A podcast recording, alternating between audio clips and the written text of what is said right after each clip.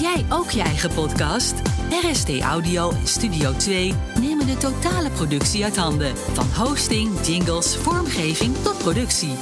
Ga naar rstaudio.nl en publiceer volgende week al je eerste podcast. Deze podcast is mede mogelijk gemaakt door RST Audio en Studio 2. Even iets anders. Dit is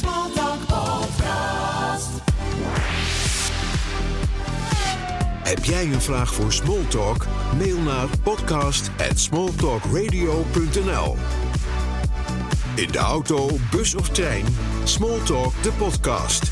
Even iets anders. Geen geklets, maar gesprek. Proef de sfeer, telkens weer. Welkom bij een nieuwe editie van Smalltalk. Het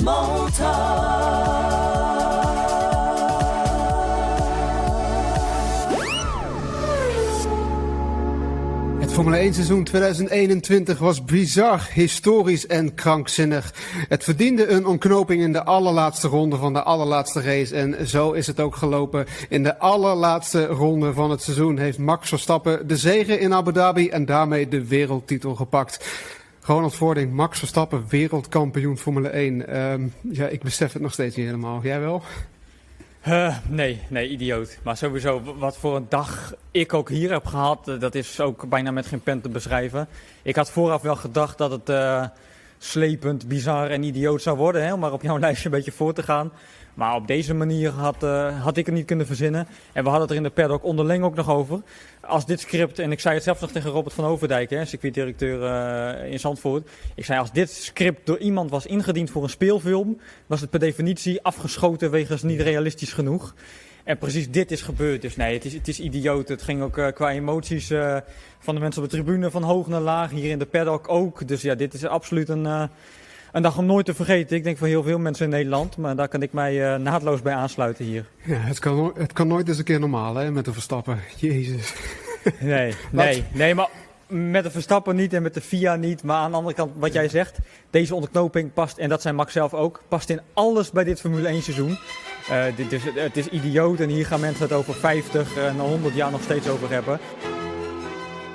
Een nieuwe editie van Smalltalk, de podcast. Met bij mij aan tafel, of aan de bar, wat het ook is mag zijn, Ronald Voording. Goedemorgen. Ja, goedemorgen. Je bent weer fris en fruitig, een beetje ziek geweest. Beetje verkouden, hè? Maar ja, Ja. dat krijg je denk ik als je uit eh, Abu Dhabi komt. Lekker 30 graden op je kop. En dan kom je hier terug, winterse omstandigheden, vrieskou bijna. Dus eh, nee, dat was even een overgangetje. Het is wel jammer dat het nu even voorbij is. Voor de mensen die niet weten wat je doet. eh, jij bent een van de jongere Formule 1 slag, eh, verslaggevers. en je werkt nu voor motorsport.com. Ja, nee, klopt helemaal. Ja, Formule 1 journalist en eh, ook op locatie. En inderdaad in de paddock. Ik ben dan 27, maar ben ik denk ik wel een van de jongeren. Althans, als ik in het perscentrum een keer ook in Abu Dhabi om mij heen keek... zie ik vooral eh, ook internationaal mannen van een jaar of 40, 50. Dus ik zit wel aan de onderkant, ja. Eh, hey, hoe ben je zo in die, in die Formule 1 eh, terechtgekomen? Nou ja, ik zal niet zeggen toevallig, maar wel een beetje, een beetje via via. Eh, ik moet zeggen, op de middelbare school was ik al in, in tientallen dingen geïnteresseerd. Eigenlijk kijk ik al van, eh, van heel jongs af aan wel Formule 1. Maar ik, ik heb echt eh, ook na de middelbare school, waar ik VWO Plus heb gedaan met Latijn en dergelijke erbij, ben ik qua open dagen naar rechter geweest, naar de pilootopleiding zelfs nog. Dus dat, dat, ging echt van hot naar her. Maar uiteindelijk heb ik geschiedenis en journalistiek gestudeerd aan de Rijksuniversiteit Groningen. En tijdens die master journalistiek kwam er een, een mailtje binnen. Waarin ze zeiden: hier in Groningen zit een, een, online sportjournalistiek bedrijf. Wij hebben onder meer GP Update, wat dan een Formule 1 website was. Wij hebben ook Wieler Update hè, over het wielrennen. En wij zoeken eigenlijk redacteuren. En zitten er misschien eh, geïnteresseerden op de opleiding journalistiek. Nou, zo is dat begonnen. Ik, eh, ik gemaild op sollicitatiegesprek, aangenomen. Eh, eigenlijk begon ik in de wielrennerij, wat ook wel een van, mijn, een van mijn passies is. Maar die site is na ongeveer een jaartje verkocht. En voor die tijd had ik al aangegeven van ja, maar ik ben ook groot Formule 1 liefhebber. Volg dat sinds jaar en dag. Dus eigenlijk zou ik daar ook wel voor willen schrijven. En het eerste wat er gebeurde toen die wielersite verkocht was, is dat ik een belletje kreeg. En dat ze zeiden: Hey, wil jij dan misschien voor GP Update komen werken? Nou, wilde ik wel. Eh, na stages bij eh, Dagblad van het Noorden en Studio Sport is dat een klein beetje uit de hand gelopen tot, eh, tot fulltime en misschien nog wel iets meer dan dat. En inmiddels is GP Update overgenomen door motorsport.com. En dus eh, zit ik waar ik zit. Ah. Hey, uit wat voor sport kom jij zelf? Heb, heb je een beetje gesport vroeger? Ja. Nee, maar het schrijven is niet echt een sport. Althans, niet bij mij. nee, nou fysiek voelt het bijna wel zo met zo'n lang Formule 1 Ja. seizoen. Nee, maar ik, ik heb eigenlijk al van jongs af aan ook gevoetbald in de lokale voetbalclub. Dat eigenlijk tot aan de A1 gedaan van die voetbalclub. En dat ik in het eerste eigenlijk zou komen. Maar dat viel samen met mijn eh, studententijd. En toen zeiden ze, nou leuk als jij in het eerste elftal wil voetballen.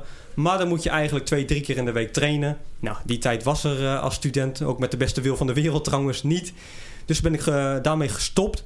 Ik heb nog eh, trouwens een poosje wel de fluit ter hand genomen. Dat ik scheidsrechter ben geweest. En daarna, maar dat, da- daarnaast bedoel ik, en dat is niet in, eh, in competitieverband of iets dergelijks.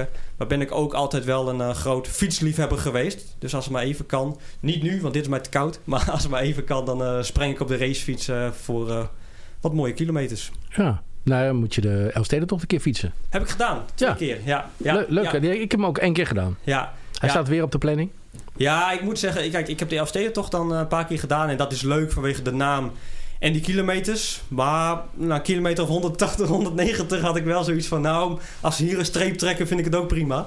Maar weet je, de leuke tocht. En ik heb ook... eh, eigenlijk doen we vaak wel met wat kameraden. Niet in coronatijd. Maar normaal doen we ook wel één bekende toertocht hè, van een normale koers. Zo heb ik twee keer de, de toertocht van de Ronde van Vlaanderen gereden. Over de kasseitjes. En een keer de toertocht van eh Luik-Bastenaken-Luik. Dus zoiets staat eigenlijk ook, eh, als de situatie het toelaat, wel weer op de planning. Hey, als je gaat kijken naar eh, jouw kwaliteiten als eh, verslaggever. de- hoe, hoe heb jij een beetje ontdekt aan jezelf van nou, dit kan ik eigenlijk wel. Ik kan goed schrijven. Ik, kan, ik denk je moet ook goed kunnen luisteren. Waar ontdekte jij je talenten voor het schrijven en voor de journalistiek? Nou, ook een klein beetje learning by doing toch wel. En dat komt, kijk, qua interview en dergelijke. Ik zag al wel vrij snel nou, dat ik daar wel op zich een aanleg voor had. En het schrijven, nieuwsartikelen, langere features ging ook wel. Maar qua andere dingen is het ook gewoon een kwestie van doen. Misschien wat risico nemen. Een sprong in de diepe.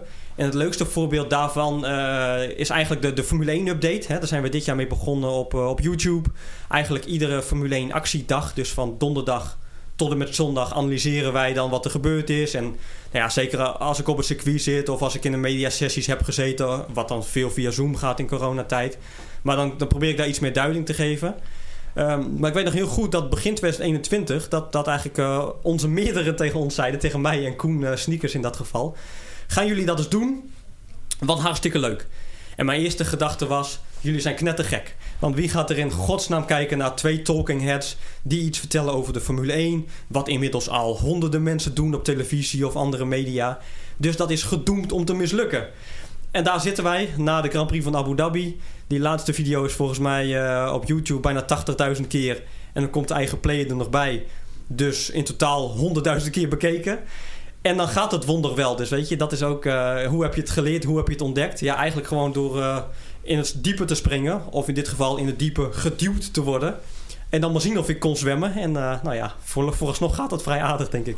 Denk je dat er een eh, overkill is aan eh, Formule 1 eh, informatie? Nou, kijk, Max is natuurlijk gewoon huge. Ja, de, al toen die begon en na de eerste overwinning in Spanje. Is, is er een overkill? Is, is er nog ruimte om dingen te doen? Nou, kijk, dan moet je een beetje een onderscheid maken. Qua, qua online, qua geschreven media is er 110% een, een overkill. Eh, en, en dat komt natuurlijk omdat eigenlijk alle traditionele, hè, de mainstream media noem ik een NOS, maar ook de kranten, die zijn dat online natuurlijk mega gaan oppakken. Daar komen dan de, de online media die er al waren bij, waar dan motorsport.com eentje van is. En daar zijn nog heel veel bijgekomen die dan, nou ja, eh, de, be- de bekende zolderkamer, maar sites die dan eigenlijk wilden meeliften op het succes van Max.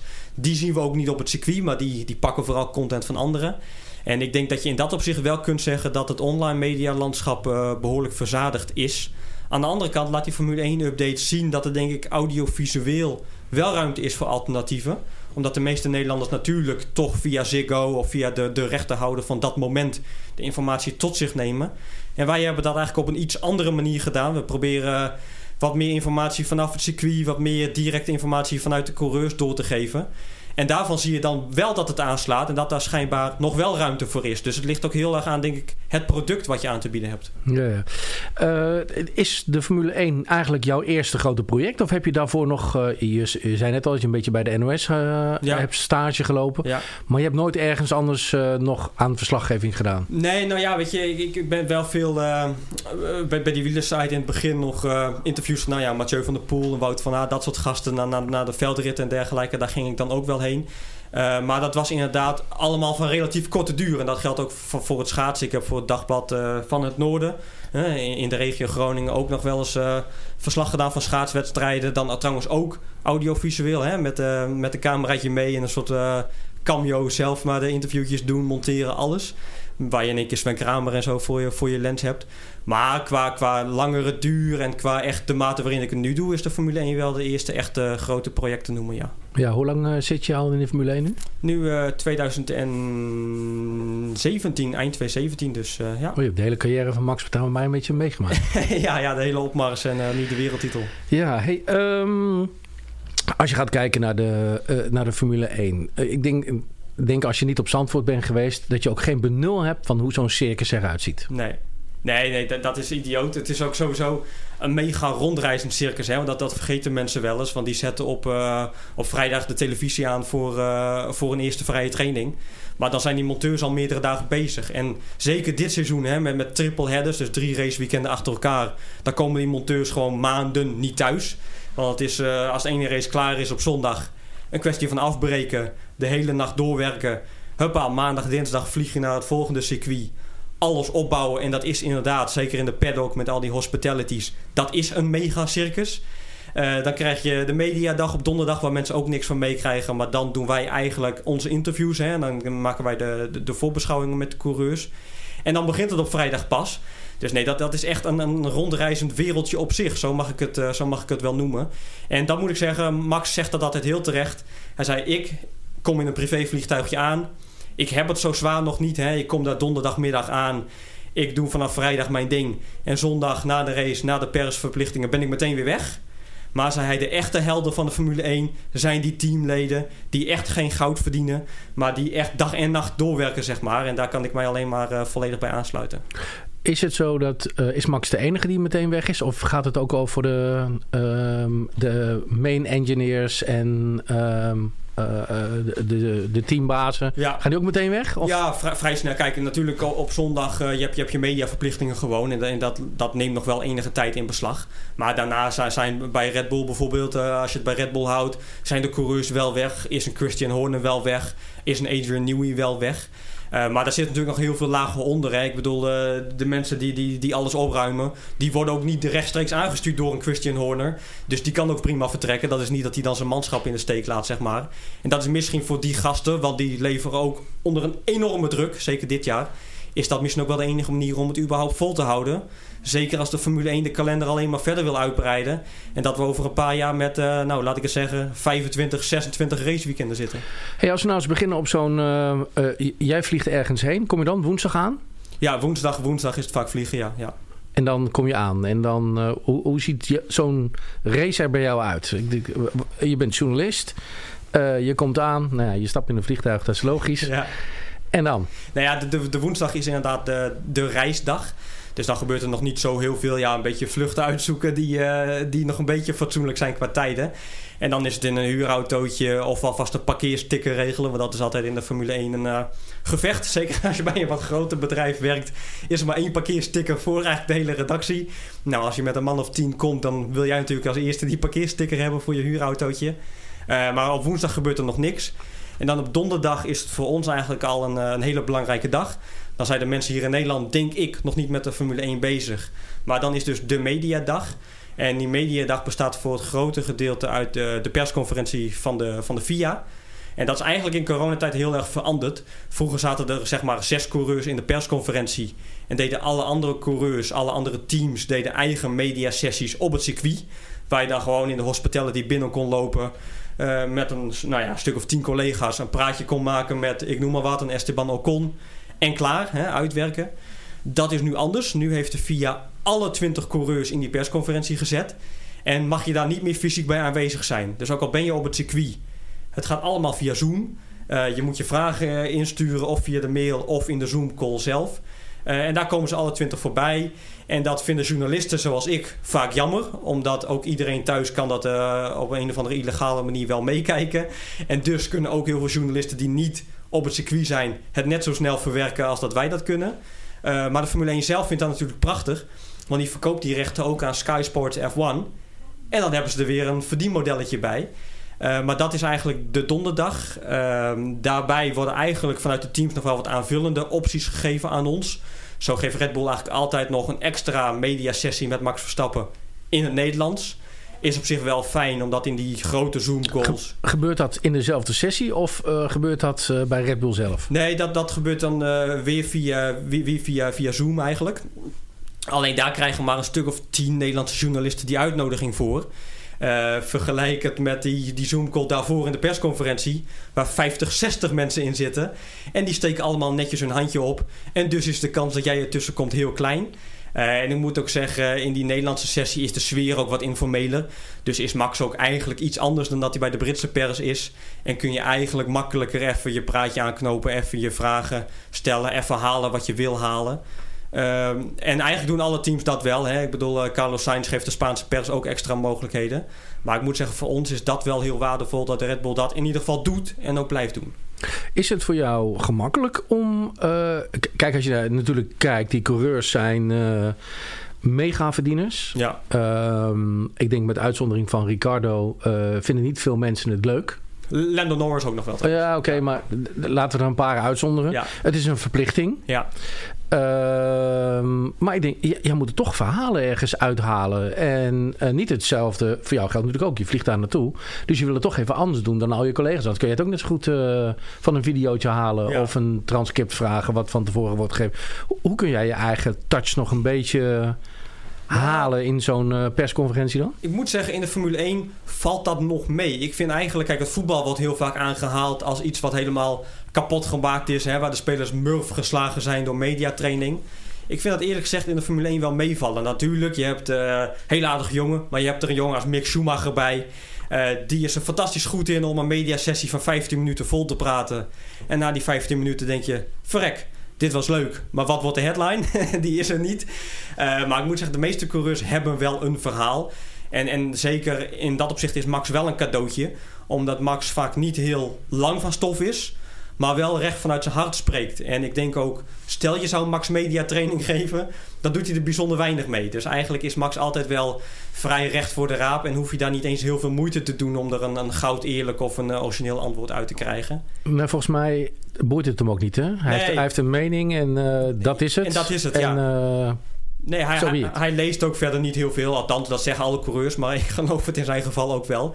Uh, en ik moet zeggen, kijk, die persconferenties voelt hij wel echt als een verplichting. Als een Britse journalist hem een vraag stelt, maakt hij er nog wel eens een sport van om maar zo kort mogelijk uh, te antwoorden. Maar weet je, als hij A vindt, dan vindt hij A. En dan maakt het hem niet uit uh, wat het publiek dat vervolgens een, een, artikel leest, wat die daar dan weer van vinden. Nee, Max vindt A. En dus is het en blijft het voor hem ook A. En ik moet zeggen, dat soort coureurs zijn wel heel dankbaar. en als jij verder vraagt qua mediaverplichtingen, weet je, de vrijdag doen ze altijd vrij lastig. Na de training uh, is, is er weinig mogelijkheden, uh, zijn er weinig mogelijkheden om met coureurs te praten.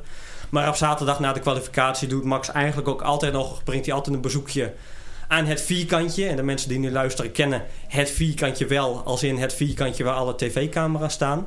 Maar daarnaast is nog een vierkantje, en dat zien de mensen thuis niet.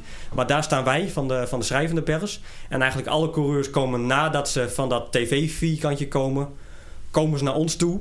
En dan kun je dus echt wel iets toevoegen. Want daar sta je maar met nou ja, 10, 15 man of zo. En daar kun je dus wel echt je eigen quotes halen die niemand anders heeft. Dus uh, dat, dat zijn eigenlijk. Maar leg mij eens uit, als je zoveel verschillende landen hebt en er staan maar een mannetje of tien, is er zo weinig schrijvende pers? Nee, maar kijk, het, het ligt er wel aan net waar je in geïnteresseerd bent. En, en wat voor verhalen je moet halen. Kijk, vanuit Nederland heb je natuurlijk ook de NOS, de Telegraaf en heel veel grote bedrijven. Maar die hoeven niet per definitie, naar Max geweest is, hoeven ze niet meer in dat vierkantje te staan. Want die zijn niet geïnteresseerd in een quote van Lance Stroll, Mick Schumacher of Nikita Mazepin, weet je wel. En dat werkt voor ons iets anders, omdat ik voor motorsport.com werk. En dat is wel even goed om uit te leggen. Wij hebben een permanente pas voor de Nederlandse editie. Dus ik en mijn collega Erwin Jeggi, wij verdelen die en kunnen naar al die races. Maar heel veel andere edities van motorsport.com, lees andere landen, die hebben die pas niet. Uh, maar die moeten wel quotes hebben en daar zijn wij eigenlijk ook mede verantwoordelijk voor. Dus ik kan niet zeggen, nou Max is geweest, ik ben ook weg. Want wij moeten bijvoorbeeld ook quotes halen van een Carlos Sainz, die we dan aan de Spaanse collega's doorgeven. Dus vandaar dat er bij dat soort coureurs eigenlijk veel minder animo voor is. En dat je dan maar met een man of 5, 6, nou hooguit 10 uh, bij elkaar staat. Want hoe kom je aan die uh, pas dan? Die moet je gewoon aanvragen bij, bij, bij de FIA, bij de Formule 1. Uh, eerst bij motorsport.com intern natuurlijk. Want als wij in Nederland zeggen wij willen graag een permanente pas, dan zeggen misschien de Duitsers en de Fransen dat willen wij ook. Uh, dus dat is stap 1. Maar voor de Nederlandse site hebben wij wel een redelijk sterke casus natuurlijk. Als je ziet hoe de, hoe de Formule 1 hier leeft. Uh, ook de hoeveelheid content en interviews die wij aan anderen weer kunnen geven. Is die meerwaarde denk ik wel vrij helder. Is het duur zo'n pasje? Nee, nee, nee, want dat kost in principe niks. Want uh, die pas wordt gewoon aangevraagd bij de FIA. Die keurt dat goed of niet, maar in de praktijk keuren zij dat goed. En dan krijg je de permanente, de paarse pas waarmee je naar alle races kan. En de kosten komen daarna natuurlijk pas met de vliegtickets en de hotels en dergelijke. Maar het aan zich, uh, die pas kost niks. Ja, als ik uh, als coach in het, uh, een buitenlandse wedstrijd deed, dan had ik toch al aardig wat accreditaties nodig. Want hoe zit dat bij jullie dan? Jullie kunnen er ook niet, ik heb een pasje en loop maar naar binnen. Nee, ja, ja, aan die ene pas heb je genoeg. Meer heb je echt niet nodig. Die ene pas, die ene permanente pas is eigenlijk alles. Want aan het begin en aan het eind van de paddock overal staan van die poortjes. Daar, word je, daar scan je je pas eigenlijk. Ook met foto's erop. Dan ga je naar binnen en dat that's it. Dus, uh, dus ja, die pas is eigenlijk je ticket naar het, uh, naar het hele Formule 1 seizoen. Zo simpel is maar het. hoe kun je hem dan delen? Want als jouw foto erop staat... Uh... Nee, met twee man. Dat moet je bij okay. de VIA meteen aangeven van tevoren. Van oké, okay, wij willen voor de Nederlandse site een pas delen met een collega.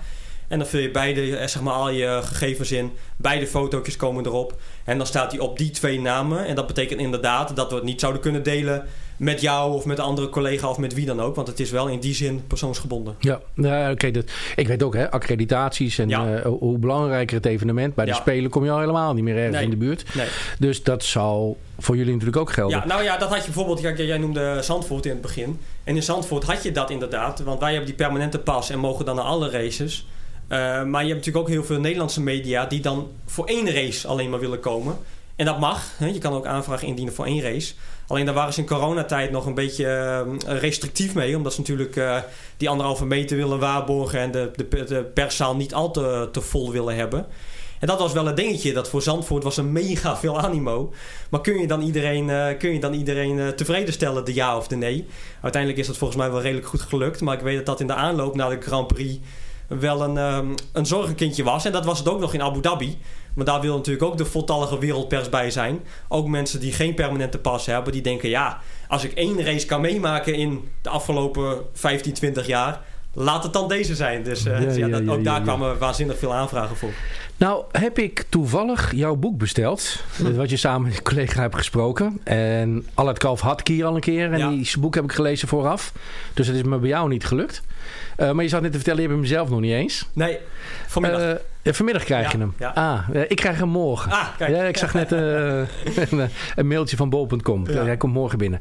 hey, wat maakt dit boek leuker dan een ander boek? Nou, kijk, je hebt natuurlijk heel veel jaarboeken over de Formule 1. Uh, sterker nog, Olaf Mol, Jack Ploy, die hebben eigenlijk daar een soort jaarlijks fenomeen van gemaakt. Dat aan het eind van het Formule 1 seizoen komt er altijd wel een jaarboek uit. Uh, en wij hebben eigenlijk geprobeerd om daar een soort van verdiepende laag in te brengen. Want zo'n jaarboek is heel leuk. Hè? Zeker als je... Ik heb ook al jaarboeken nog, maar dan andere jaarboeken met foto's. Maar van uh, seizoen uh, 97, 98 geweldig om die dingen nog een keer uit de kast te pakken en dingen terug te lezen en terug te kijken. Maar wij dachten, wij willen wel iets meer bieden dan dat. Dus wij hebben naast een jaarboek hebben we het eigenlijk ook een, een boek gemaakt over de opmars van Max Verstappen. Uh, en dat betekent dat hoofdstukken over dit Formule 1 seizoen worden afgewisseld met hoofdstukken over de carrière van Max. En dat begint al met, uh, met de karting, waarvoor wij hebben gesproken met uh, zijn oude teambaas en mensen die hem eigenlijk vanaf het eerste uur begeleid hebben. Uh, dat wordt opgevolgd door een hoofdstuk over de Formule 3. Wat Max eigenlijk in recordtempo, echt zelden tot nooit vertoond, binnen een jaar de overstap maakte van karting via Formule 3 naar de Formule 1. het hele verhaal bij Toro Rosso wordt verteld, waarvoor ik onder meer met teammanager Graham Watson, teambaas Frans Toost en Helmut Marco heb gesproken. En dat geeft toch ook wel iets meer een inkijkje in de, de razendsnelle opmars van dat jongetje waar nu heel Nederland naar zit te kijken. Uh, en eigenlijk hoe bijzonder hij is. De mensen die bijzonder en dus ook belangrijk voor hem zijn geweest in het leven. Um, Spanje 2016 mag natuurlijk niet ontbreken. En uiteindelijk leidt dat verhaal naar de grote climax in Abu Dhabi. Maar het is eigenlijk veel meer dan een jaarboek. En dat vertelt dus eigenlijk het hele verhaal over de, de carrière van Max tot nu toe. Um, nou gaf je al aan dat je een aantal mensen hebt gesproken. Is dat ingewikkeld? Kon, je daar makkelijk tussen komen? Zo'n Helmut Marco lijkt me nou niet uh, heel gemakkelijk om te zeggen... nou, kan ik even met jou praten over een boek? Nee, nou, dat valt op zich mee. Kijk, uh, Marco heeft dan zijn eigen bureau... Waar, waarbij je eigenlijk wel iets kan regelen. De meeste andere mensen gaan via de teams... en dus via de normale persmedewerkers... waar wij eigenlijk in de Formule 1 altijd mee te maken hebben. Uh, Marco is in die zin iets anders... Maar Marco is wel een heel dankbaar persoon om te interviewen. Want wat ik zei over Max, als het A is, dan blijft het A. Dat kun je ongeveer keer 10 doen bij Helmut Marco. Dat is wel iemand die, uh, die nooit te bang is om de publiciteit op te zoeken. En die ook absoluut nooit bang is om zijn eigen mening te verkondigen. Ik denk zelfs dat, dat Marco iemand is van een, uh, een uitstervende ras. Nicky Lauda, niet geheel toevallig een landgenoot, was ook zo iemand. Helmut Marco is uh, uit hetzelfde hout gesneden. Dus eigenlijk zijn die eigenlijk nooit te beroerd om, uh, om een interviewtje te geven. En als je ze eenmaal te pakken hebt, heb je eigenlijk ook een garantie op, uh, op goede teksten. He, hebben jullie zelf nog een klein beetje lol op zo'n circuit? Of is het voor jou eigenlijk al werk? Ik, ik moet heel eerlijk zeggen, uh, ik ben naar een paar races geweest. Ja. Maar uiteindelijk zie je het het lekkerst op de tv. Ja, dat klopt, dat klopt. Ik heb geen spijt van Zandvoort, want daar was ik. Ik had hele mooie kaarten met dank aan mijn collega. en ik ga volgend jaar weer. Maar dat is, had meer te maken met de sfeer. Ja die er is. Sowieso in Nederland. Alles oranje, mm. was mooi weer. Uh, nou, beter kon je het niet hebben. Nee. Uh, maar ik heb ook in uh, Spa gestaan met, uh, met mijn zoon in de regen. Dit jaar dus? Hè? Dit jaar ook? Nee, nee, niet oh. dit jaar. Nee, volgens mij twee jaar geleden. Dit, dit, jaar was nog erger geweest? Ja, ja, ja. ja, ja. En ja, weet je, dan dacht ik wel van poeh, het is niet goedkoop.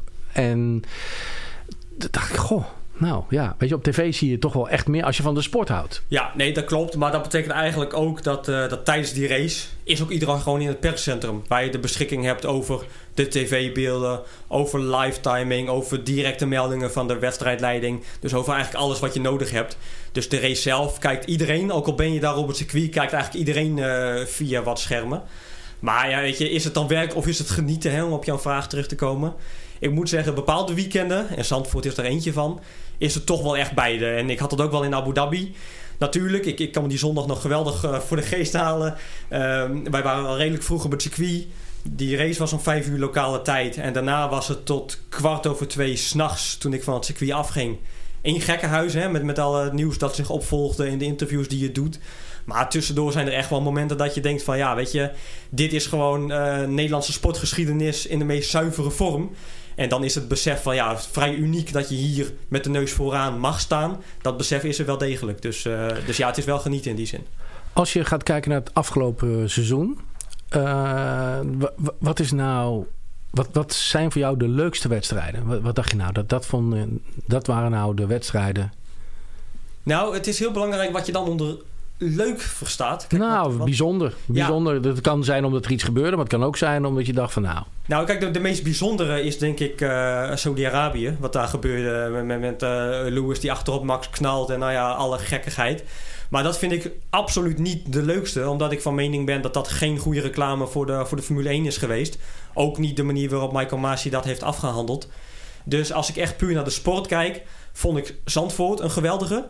En dan niet vanwege amusementswaarde en de race zelf. Maar wel vanwege de sfeer. En toch ook wel de hele fanbeleving. Want dat hebben ze waanzinnig goed gedaan. Hè. Daarna sprak ik ook nog met Stefano Domenicali, de, de CEO van de Formule 1. En ook hij zei: wat ze hier hebben neergezet in deze toch moeilijke tijd.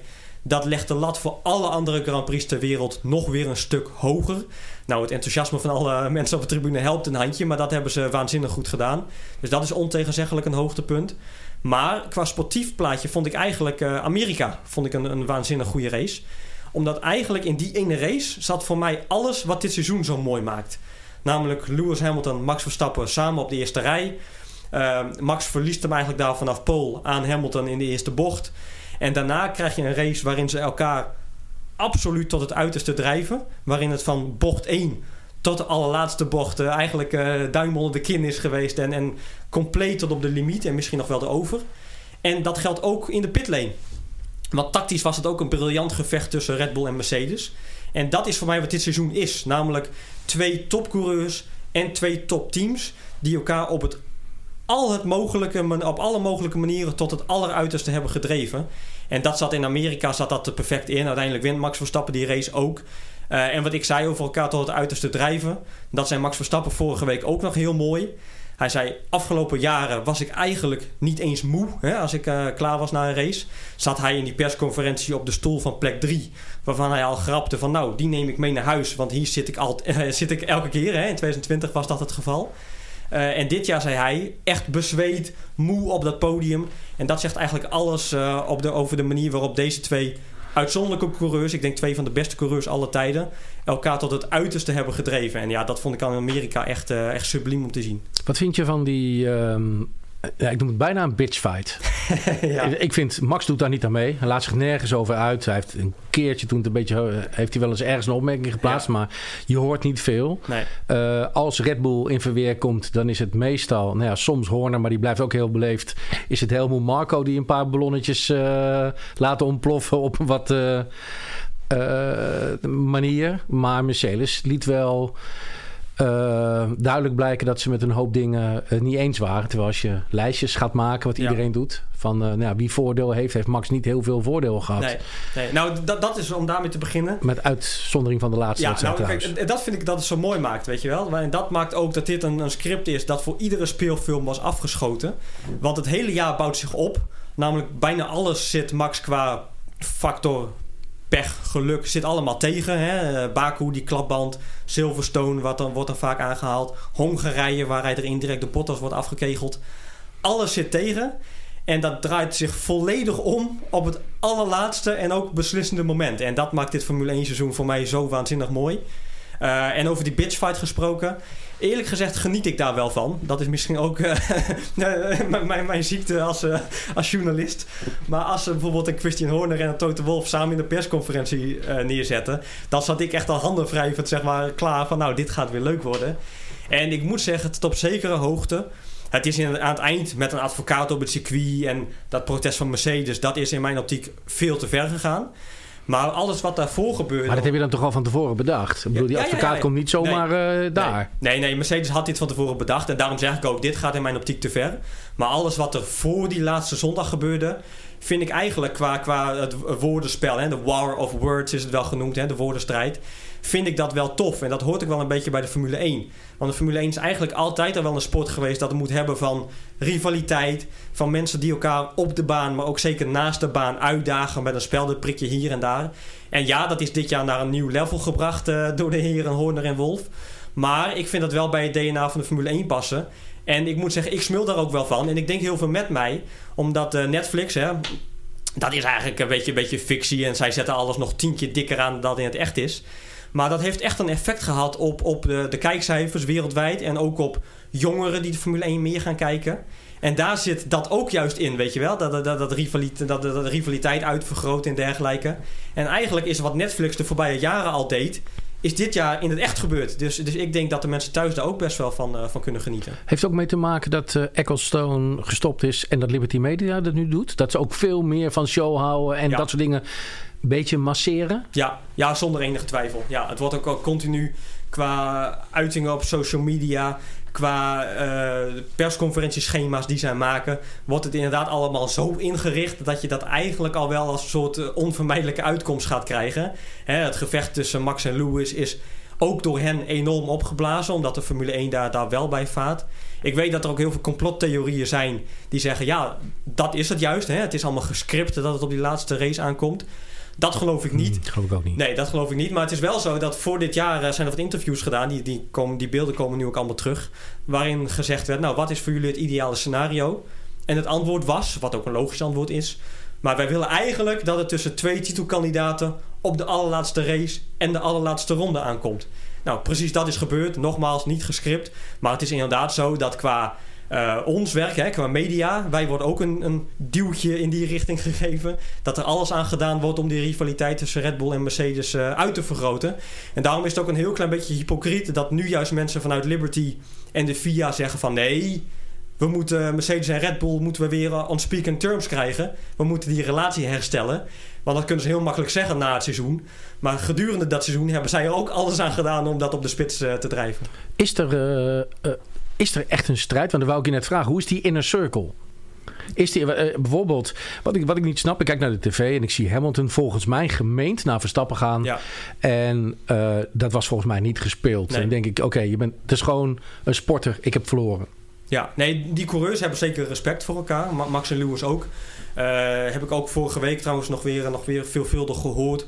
Dat ze zeggen, ja, dat onderlinge respect, hoe heftig het duel op de baan ook is. Maar dat onderlinge respect is er en blijft er. Uh, op managementniveau zit er toch wel iets anders hoor. Dat, dat is echt wel een. Dat is niet gespeeld, dat is echt wel een uh, rivaliteit. zeker tussen Red Bull en Mercedes. En dat gaat eigenlijk al wel iets verder terug. Namelijk Toto Wolff en Helmut Marko, allebei Oostenrijkers. Dat is in de paddock ook geen geheim. Maar dat zijn bepaald geen vrienden van elkaar. Dat waren ze voor dit jaar al niet. En ik denk niet dat 2021 het er beter op gemaakt heeft. Dus die, die liggen elkaar persoonlijk ook gewoon niet goed. Uh, en Christian Horner en Toto Wolff liggen elkaar persoonlijk ook niet goed. Dus die praten, die praten niet uh, over koetjes en kalfjes, zeg maar. Maar ze gingen ook niet eten. Dat, uh, dat zei Horner ook ze wel gingen ergens. niet eten. Ze gingen niet samen de kerstdagen vieren. Ze gingen ook niet op vakantie. En zei Horner, ik hoef ook niet zijn kont te kussen. Dus nee, die rivaliteit uh, op managementniveau, die is wel echt. En die zie ik ook niet, uh, niet 1, 2, 3 weer tot bedaren komen. Was het anders geweest als, uh, dat hoor je dan wel eens bij wat andere Formule 1 media, dat Niki Lauda, dat die wel gemist wordt in, in dat gevecht. Dat, Ja. dat die wel eens kon middelen Ja. tussen Mercedes en Red Bull? Ja, ja, twee dingen. Eén, Lauda qua persoonlijkheid was daar wel goed in. Twee, op puur persoonlijk vlak qua onderlinge relaties was hij ook die verbindende factor. Want ik zei net al, hè, Wolf en Marco zijn eigenlijk een beetje, een beetje water en vuur. Maar Lauda en Marco, die gaan heel ver terug samen. En dat waren ook echt wel vrienden van elkaar. Dus dat, daardoor was eigenlijk Lauda een soort van bindmiddel tussen die twee uitersten. En als er dan een politiek, gedon, een politiek uh, was... dan kon eigenlijk Marco wel even met Nicky Lauda gaan zitten. En dan kon er ook onderling nog wel eens wat, zeg maar, besproken worden... voordat het in de media kwam. En die schakel is nu weg... Dus alle twistpunten komen nu meteen in de media, omdat zo'n Marco en Wolf niet met elkaar praten buiten de media om. Dus, uh, dus, dus ja, Lauda had dat absoluut uh, kunnen verhelpen. Nou, voor Liberty Media alleen maar interessant. Ja, toch? Ja, ja, ja. als je dat toch wil hebben. Uh, die rivaliteit heeft dat te maken met geld, want. Ja, mensen snappen. Het is leuk natuurlijk om daarnaar te kijken. Ja. Maar als je een beetje gaat verdiepen in de Formule 1 en je ziet hoeveel geld dat kost. Ja. Uh, nou ja, je kunt het ook hebben. Is het wel normaal dat iemand zoveel geld verdient? Hè? Uh, max 30 miljoen, Lewis, 45 volgens mij. Het zijn al niet een beetje salarissen. Ehm, en ik vind daar overigens niks van hoor. Maar het, er gaat zoveel geld in om. Ja. 850, gisteren zei Jos het op tv.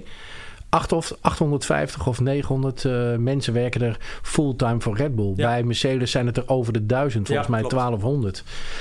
Uh, het is niet normaal. Nee, dat, dat, maar die rivaliteit hangt daarmee samen. Dat is geld. Maar het is nog veel meer dan dat prestige. En zeker na dit jaar, waarin er eigenlijk zoveel gebeurd is... en ze elkaar op alle mogelijke manieren het bloed onder na de nagels vandaan hebben gehaald... is eigenlijk dat financiële aspect nog een klein beetje naar de achtergrond verschoven. En ging het puur om prestige. En dat zei Horner ook wel.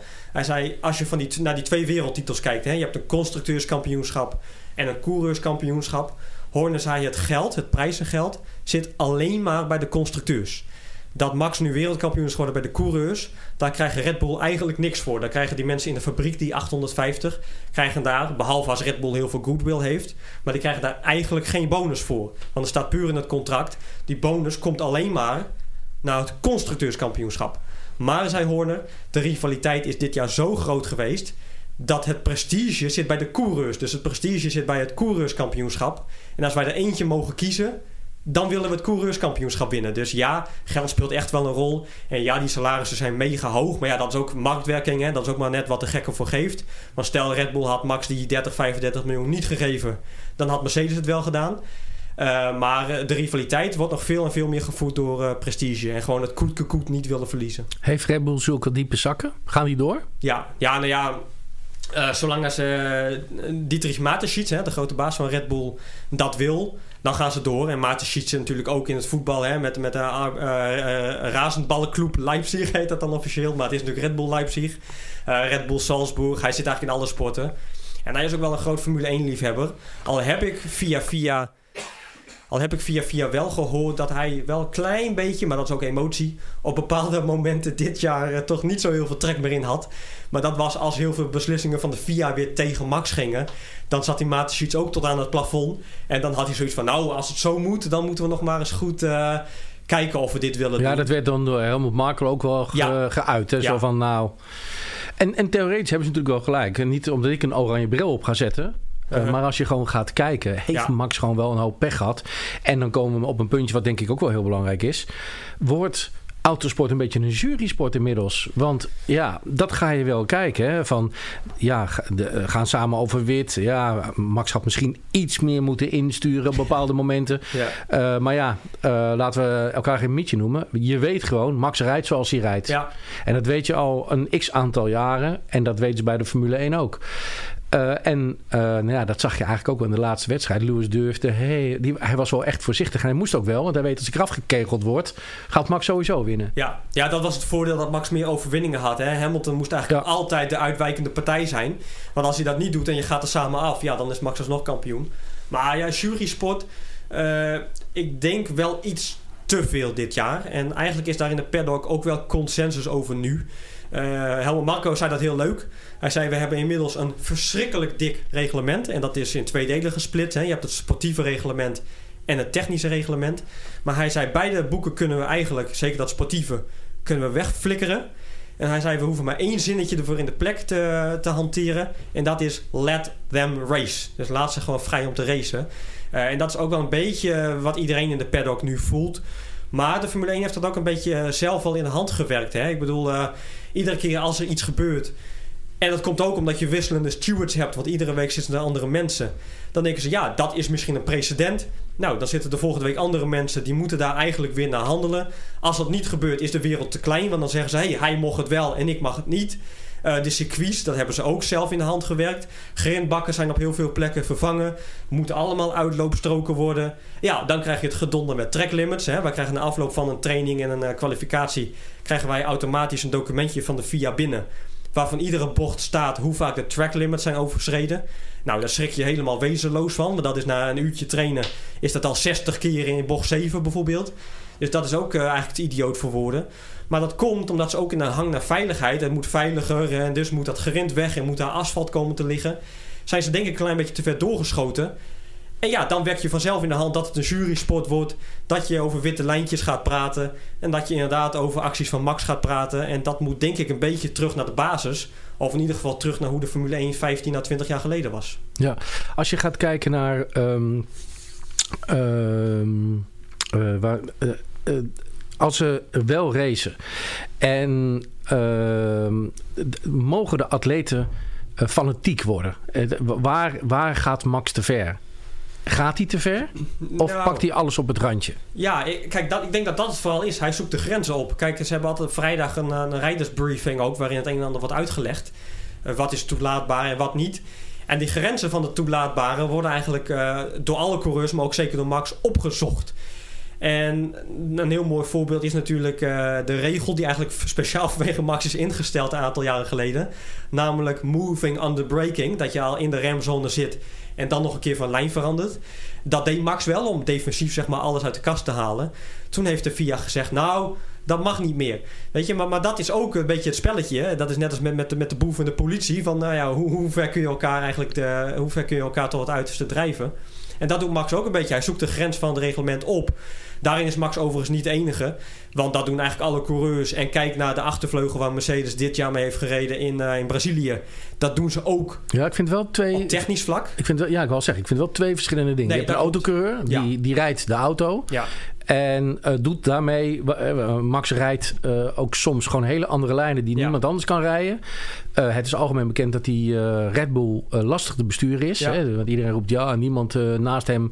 Maar hij snapt die auto. Dus ja. op een of andere manier kan hij er heel goed Komt in rijden. Komt trouwens ook omdat die auto steeds, en dat is ook logisch op de, op de man die succes heeft, maar steeds meer op hem afgesteld wordt. Uh, en Max kan redelijk goed overweg met wat ze dan een losse achterkant noemen. Hè? Dat hij een beetje wispelturig is aan de achterkant. Daar heeft hij dat vertrouwen voor. En hij kan daarmee eigenlijk sneller gaan dan een ander. Maar ja, wat krijg je al? Red Bull denkt natuurlijk, Max is onze leading man. Hij kan ons wereldkampioen maken, dat is wel gebleken. Dus moeten we eigenlijk vooral een auto ontwerpen waar Max bijzonder snel mee is. En dat heeft onder meer Alexander Albon, die ook gewoon te vroeg gepromoveerd is. Maar dat heeft onder meer Alexander Albon de kop gekost. En je ziet ook dat Sergio Perez het daar uh, bijzonder lastig mee heeft. Maar wie gaat er dan naast zitten? Want kijk, uiteindelijk zou ik dan denken: oké, okay, als ik dit weet. Ja welke andere coureur, misschien uit de Formule 2, kan wel hiermee werken? Nee, maar uit de Formule 2, dat moet je sowieso niet willen, denk ik. Want het probleem is, als je vanuit de Formule 2 meteen naar Red Bull gaat, dan word je levend opgevreten, zoals, uh, zoals uh, ja. Graham Watts ook tegen mij zei. Dus in dat opzicht is het wel goed dat ze met Checo voor een ervaren man zijn gegaan. Want namelijk als je een onervaren coureur, wat is gebeurd met Pierre Gasly, wat is gebeurd met Albon, dan kom je in een soort vicieuze cirkel terecht. A, die auto is lastig. B, je kijkt op het, uh, op het scherm met de rondetijden. Je ziet dat je iedere keer bijna een seconde van max aan de broek krijgt.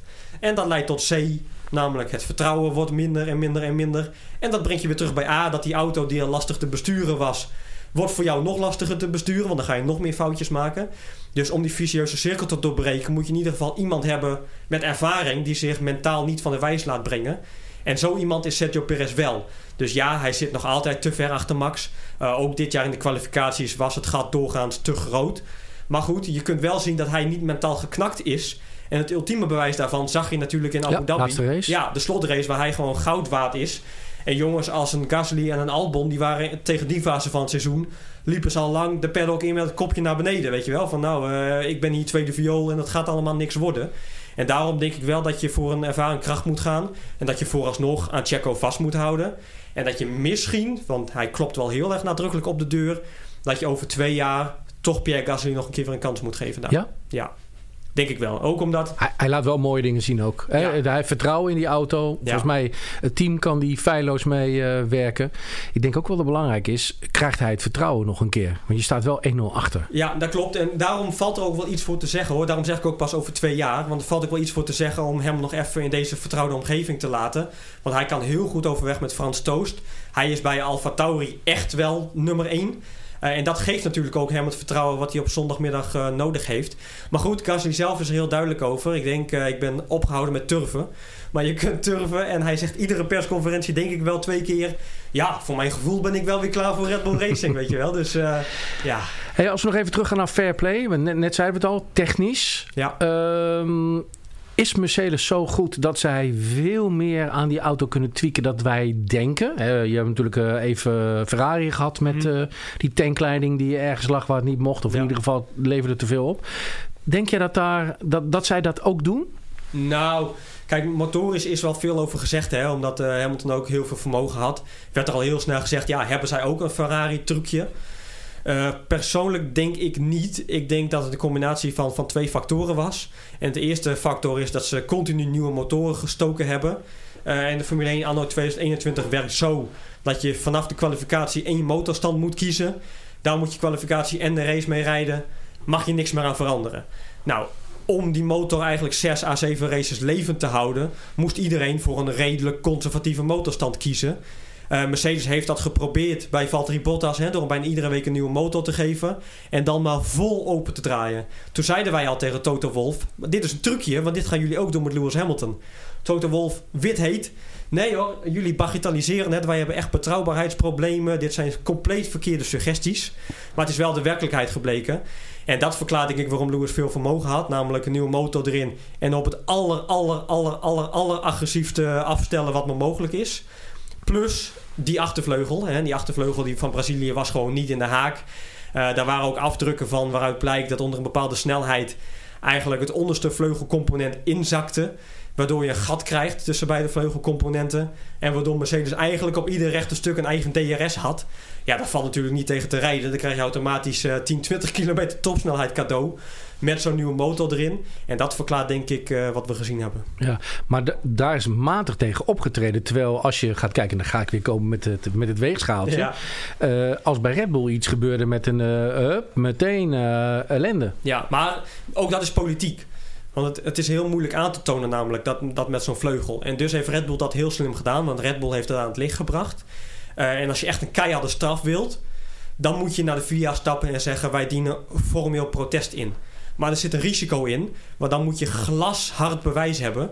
En als dat bewijs ook maar aan een klein uh, rafelrandje tekort schiet... Zeg maar, dan wordt jouw protest afgewezen en dan ben je terug bij af. Dus wat heeft Red Bull gedaan? Die heeft een heel dossier aangelegd. En die hebben gezegd... wij vermoeden dat dit het geval is... Wij geven dit aan jullie, hè, aan de VIA. En nu is het aan jullie om beter te gaan handhaven. Dus om extra controles in te voeren. Nou, en dan krijg je inderdaad dat er niet gestraft wordt. Want dan zegt de FIA gewoon, hè, er komt een technische richtlijn. Die gaat dan uit naar alle teams. Vanaf volgende raceweekend zijn er aanvullende controles. Zorg dat jouw vleugel daaraan voldoet. En zo heb je eigenlijk dan geen sportief voordeel, dan wel nadeel meer. Alleen blijft een echte straf achterwege. Maar ik denk omdat Red Bull absoluut zeker wilden zijn voor de finale race. Dat ze daar volop hebben ingezet. Dat ze dat belangrijker vonden dan dat Mercedes een torenhoge eh, boete had gekregen. Ga jij uh, uh, in je analyses en in je, in je verslaggeving ook. Kun, kun jij bepaalde data krijgen? Kun jij ook dingen onderbouwen? Of moet jij het echt hebben van wat tegen jou verteld wordt? Ja, voor 90% dat. Want de, want de data is eigenlijk gewoon de data die, die mensen thuis, die, mensen die zich er heel erg in verdiepen, ook ter beschikking zouden kunnen hebben. Uh, nou krijgen wij qua een speciaal mediaportaal nog wel iets meer met allerlei mini-sectoren en aanvullende statistieken. Dus dat heb Doe ik maar even login. Ja. nee, maar kijk, dat heb ik wel. Maar al die verhalen zoals wat ik net vertelde over de politieke spelletjes en over wat er misschien gaande is, dat is echt uh, voor 80, 90 procent gewoon dingen die je hoort en, uh, en die je dan koppelt aan data, maar niet andersom. Ja. Hey, um, ik wil nog heel even hebben over het talent Verstappen. Ik maak een programma over talentontwikkeling. Uh, dat vind ik ook het belangrijkste. En Max is natuurlijk, hè, jij bent een talent als journalist, jong. Je doet heel veel werk, leuk werk ook. Um, als je nou naar Max gaat krijgen als, uh, als uh, talent. Uh, zijn vader zit er heeft er de hele leven bovenop gezeten. Ja. Nou, uh, het is geen geheim dat op een gegeven moment helemaal Marco heeft gezegd... volgens mij moet je nu even een stapje naar achter doen. Ja. Want anders ga je hem in de weg zitten. En dat zien wij in de sport als coaches. Even de cyclische sporten dan als het mij gaat. Zie je dat ook wel. Hè? Je moet uiteindelijk... Ouders zijn heel erg enthousiast en trots. En, maar ergens moet je even die driehoek doorknippen. De mm -hmm. gouden driehoek. Want anders dan gaat het een belemmering uh, ja. uh, worden. Um, maar één ding wil ik met jou over hebben. In hoeverre was bij Max geld belangrijk? Want als je nou gaat kijken naar uh, die jongen uit de Formule 2... die gewoon niet meer kan rijden de laatste ja, race. Richard, Richard, omdat hij geen geld meer heeft. Ja. Terwijl het wel een talentvolle coureur is. Geen Verstappen misschien. Maar wel een jongen die toch wel een paar leuke dingen heeft laten zien. En dan zie je dat fiscaal wat meer cent op zijn bankrekening heeft staan. Dus kom misschien meteen op een heel gevoelig... wat mensen eigenlijk raar... Hè? Uh, uh, Stroll die inmiddels wel wat beter is gaan rijden... Uh, of. Mazepin ja. Ja, uh, geld. Kun je met geld uh, gewoon wel in een Formule 1 rijden? En waar, waar is dat? Even, je moet auto kunnen rijden, anders ja. kan je die auto niet... en ook bovengemiddeld goed. Ja, dus het is, het is een illusie als je zit te luisteren en denkt van... nou, dat is alleen maar geld. Nee. Forget it. Ja. Dat ga maar eens in een. Uh, als je gewoon je rijbewijs hebt in een Formule Renault zitten met. Uh, of nee, hoe heet het? In zo'n uh, zo'n Fortje.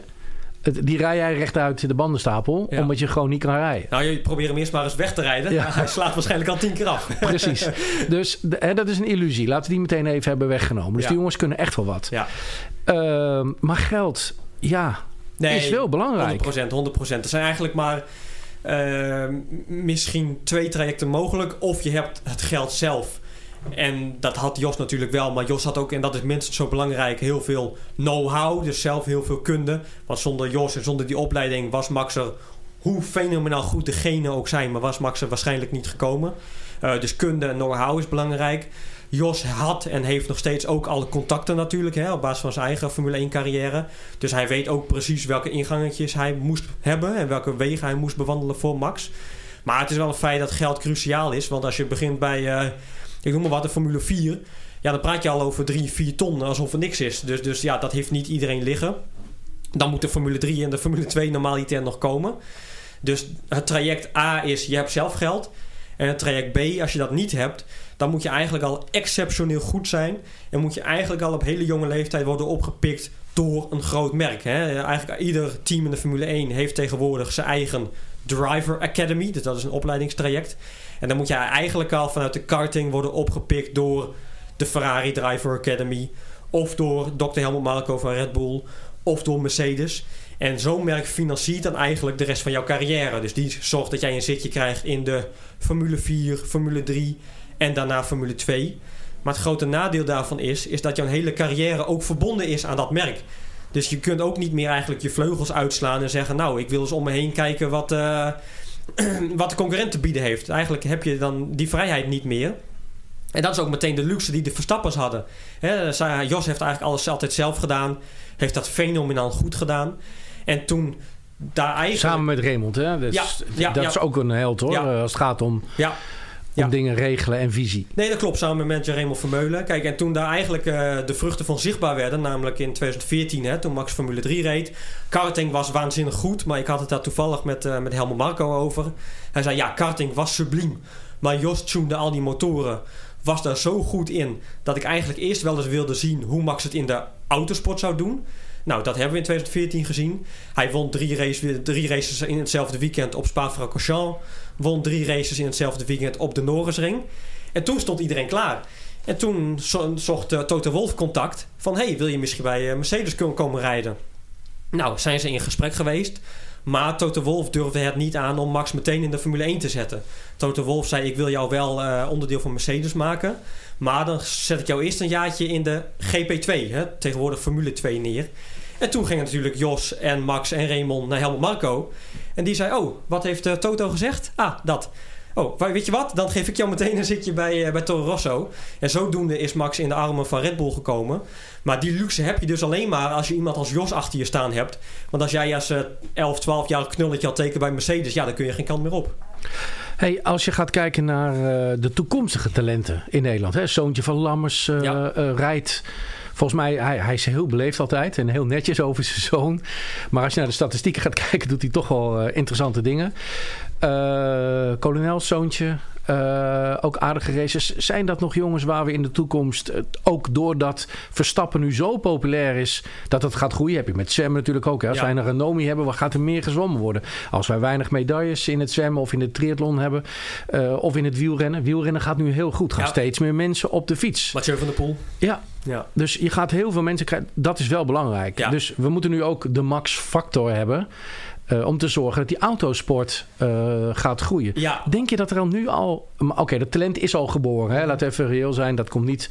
Uh, als alles wat nu geboren wordt, gaat misschien Max heten. Dit jaar. Ja. Dat soort fenomeempjes krijg je ook altijd. maar dat wil niet zeggen dat ze goed kunnen rijden. en je weet ook dat je er geld voor nodig hebt.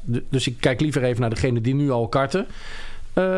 heb jij een beeld? Nou, kijk, die jongens doen, die jij net noemde, die doen het in de karting subliem. Maar daarvoor geldt eigenlijk dat je dat je nog niet al te veel, ook voor onze media, nog niet al te veel moet hypen, denk ik. Ook om de jongens niet al te veel druk op te leggen. Want die stap naar de autosport is verschrikkelijk belangrijk. En er zijn al heel veel jonge talenten hè, die subliem waren in de karts. Zijn, ik zal niet zeggen gesneuveld, maar daar is het cachet een beetje van afgegaan toen ze de overstap maakten naar de autosport dan komt er toch ook technisch veel meer bij kijken. Nou, als jouw vader Coronel of Lammers heet, dan denk ik dat je dat technische aspect ook wel redelijk onder de knie hebt. Maar goed, dus ik wil eigenlijk die overstap straks over een paar jaar naar de autosport nog wel even zien. Uh, en ik wil ook wel iets zeggen over die max-factor. Want ik vind dat wij daar in Nederland eigenlijk, en dat is ook heel lastig. En dat zijn ook signalen die ik vanuit de racerij krijg trouwens, dus dat vind ik niet alleen. Maar dat we daar nog niet echt genoeg mee gedaan hebben. En daar zijn ook wel wat blikken aan de KNAF gericht, hè, de, de Autosportfederatie. Ja, ja, zeker. Waarbij eigenlijk heel veel mensen ook tegen mij zeggen van ja, weet je, Formule 1 succes op termijn valt of staat nu nog met ouders En met unieke talenten zoals Max. Hè, en dan een Jos erachter. Of ook met een Lammers en Coronel. Ja, en wat denk je van, eh van Eert met geld? Ja, nee, precies hetzelfde. Maar Als je die niet hebt? Nee, maar vanuit de bond is er eigenlijk heel weinig gedaan qua opleiding en qua talentbegeleiding. Eh, ze hebben Richard Verschoor dan nog wel met wat powerpoints en dingen proberen te begeleiden om sponsoren te vinden. Maar een echt heel uitgestippeld traject is er in mijn optiek onvoldoende. En dat is wel van cruciaal belang om nu, het momentum dat er is, om dat nu te gaan gebruiken. Om ook in de toekomst, weet je wel, goed te zitten voor de Nederlandse autosport. Dus als het nu niet gebeurt, ja, wanneer dan wel? Dus ik denk dat daar nog een, eh, een heel land te winnen valt. Om Ja, ik denk dat ze bij de KNAF inderdaad wel wakker moeten worden als het gaat om talentontwikkeling. Eh, Talentontwikkeling wordt ook onderschat hè, in Nederland. Want we wachten gewoon. En het maakt niet uit welke sport het is hoor. Eh, dammen, eh, schaken, zwemmen. in Nederland komt het bovendrijven. Ja. Nee, maar dat geldt op alle niveaus. Kijk, ik vind eigenlijk al dat je nu eh, zwemmen leren op school en zo. En dat gaat met karten wat lastiger. Maar Dat zeker... was vroeger zo hoor. Ja, oké. Maar- is ook een groot probleem. Ja, ja. Nee, maar weet je, kijk, ik vind eigenlijk al dat ze gewoon ook in scholen en, en ook waar mensen zitten die niet dat vermogen hebben, dat ze toch moeten zeggen: we gaan eens een keer een, een kartdag of een autosportdag organiseren. Hè, om er misschien toch jongens uit te pikken. En als er jongens eenmaal boven komen drijven die niet de achtergrond hebben van een Verstappen, een Lammers of een Coronel, dat daar ook heel, gewoon een heel gedegen opleidingstraject voor komt. Niet alleen qua financiën, maar ook qua coaching en dergelijke. En eh, dat is er nu wel, maar veel te weinig. En zeker nu Max Nederland compleet autosport gek heeft gemaakt, denk ik dat dit het moment is voor de knaf om daar toch nog eens een keer heel kritisch naar te gaan kijken. Wat heb je nodig om eh, jezelf als talent in de autosport eh, te ontwikkelen?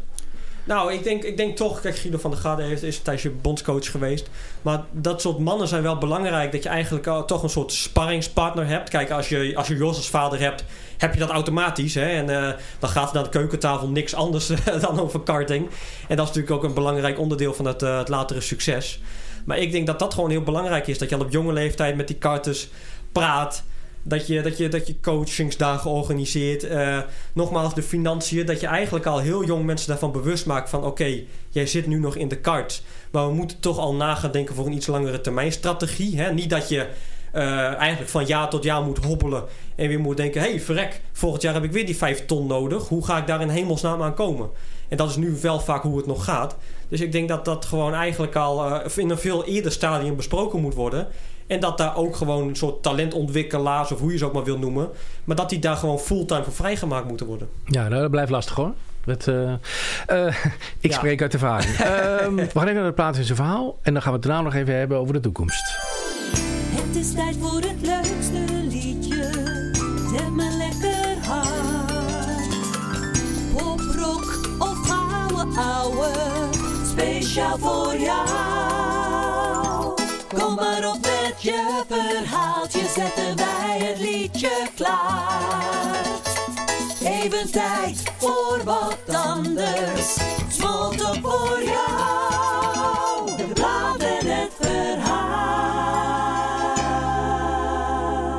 Je hebt aardig wat plaatjes ingeleverd. Eh, de eerste die ik eh, een beetje gesorteerd heb is Billy Joel. Ja, Ja. ja. Ik moet zeggen, ik vind eigenlijk jaren 80 en 90 muziek. eh, voor zo'n jonge jongen als jij is dat Ja. wel bijzonder hoor, jouw Ja. platenkeus. Ja, maar ik, ik, ik ben daar wel een beetje mee, mee opgegroeid ook. En ik, ik moet zeggen, ook door mijn ouders en dergelijke. Maar ik, ik vind dat wel, wel tof. En ik heb eigenlijk meer met, met dat, qua muziek dan, hè, meer met dat tijdperk nog. Dan met de huidige muziek. Dus, dus ja, ik denk dat mijn. eh, ik heb volgens mij vier of vijf doorgegeven. Ja. En dat dat grotendeels door die tijdsspannen wordt gedomineerd. Ja.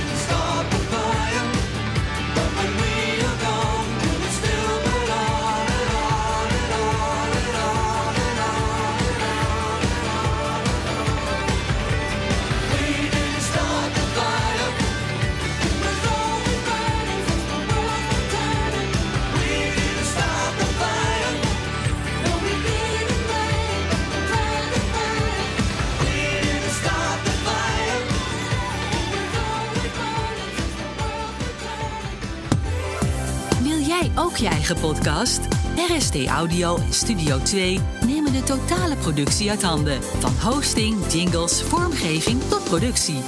Ga naar rstaudio.nl en publiceer volgende week al je eerste podcast. Zo, en dan nu even tijd voor een kopje thee. Ah, lekker.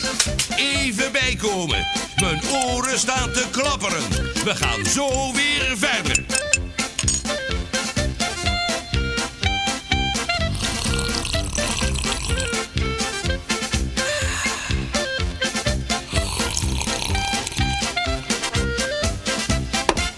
Oké, daar gaat hij weer. Of je nou van sport, innovatie, humor of nieuws houdt, Smalltalk. Even iets anders. Dit is Smalltalk Podcast. De tweede op jouw lijstje, eh, die ik geselecteerd heb, Bon Jovi, Living on a Prayer. Ja, nou ook een mooi, sowieso een lekker rocknummer, wat ik sowieso wel, wel, wel, wel fijn vind. Eh, maar ook, ook de, de tekst daarvan spreekt mij in die zin wel aan. Dat je ook, eh, nou ja, in die zin, ik zei, eh, je moet wel eens een keer wat risico nemen. Dat is in mijn werk allemaal relatief natuurlijk en in mijn hele leven tot nu toe. Maar eh, dat als dingen fout gaan of zit een keer tegen of wat dan ook, is allemaal maar relatief omdat er altijd nog mensen om je heen zijn die eigenlijk veel belangrijker zijn. En dat komt in dat nummer eh, perfect tot uiting. Dus naast dat het een verschrikkelijk lekker rocknummer is, zit er ook nog wel iets van een eh, levensles in verpakt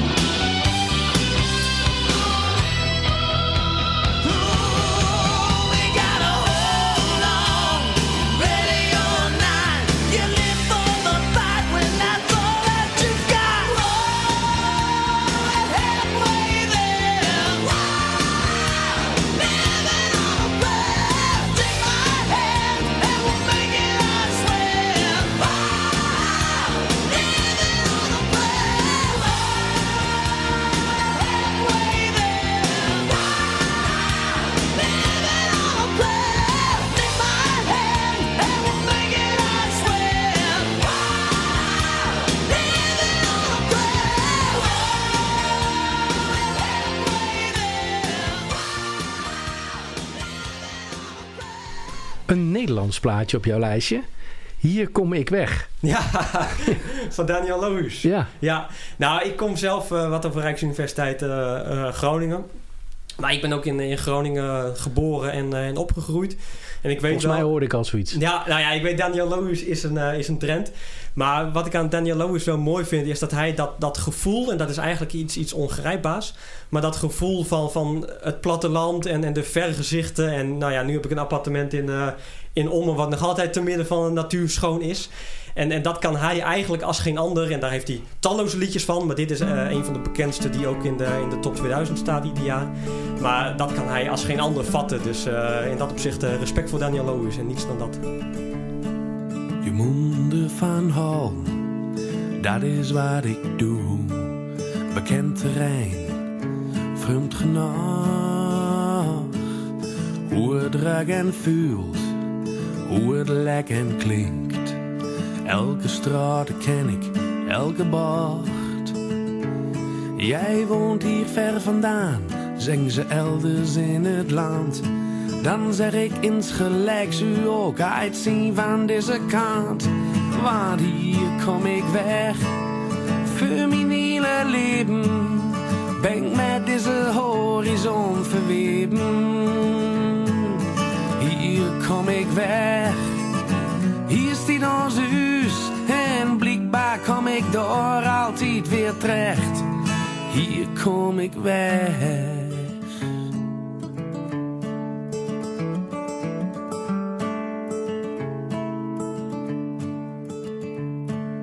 Hier ben die paar mensen, zonder wie het niks is. Bekend gedrag, vreemd genoeg. De wiede wereld is er wel, via draad en golm. Waarmet ik vaak nog groenigers heb zocht. Naar die verste vetten wil ik altijd wel heen. Maar dat gevoel draait zich weer om, zo gauw als ik daar ben. Hier kom ik weg, voor mijn hele leven. Ben ik met deze horizon verweven. Hier kom ik weg, ik door altijd weer terecht. Hier kom ik weg.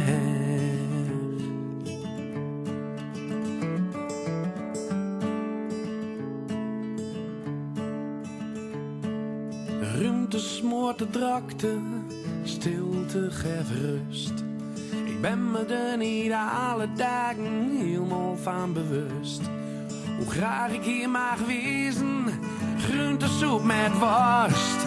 Leven hier helpt net zo goed als drinken in de dust.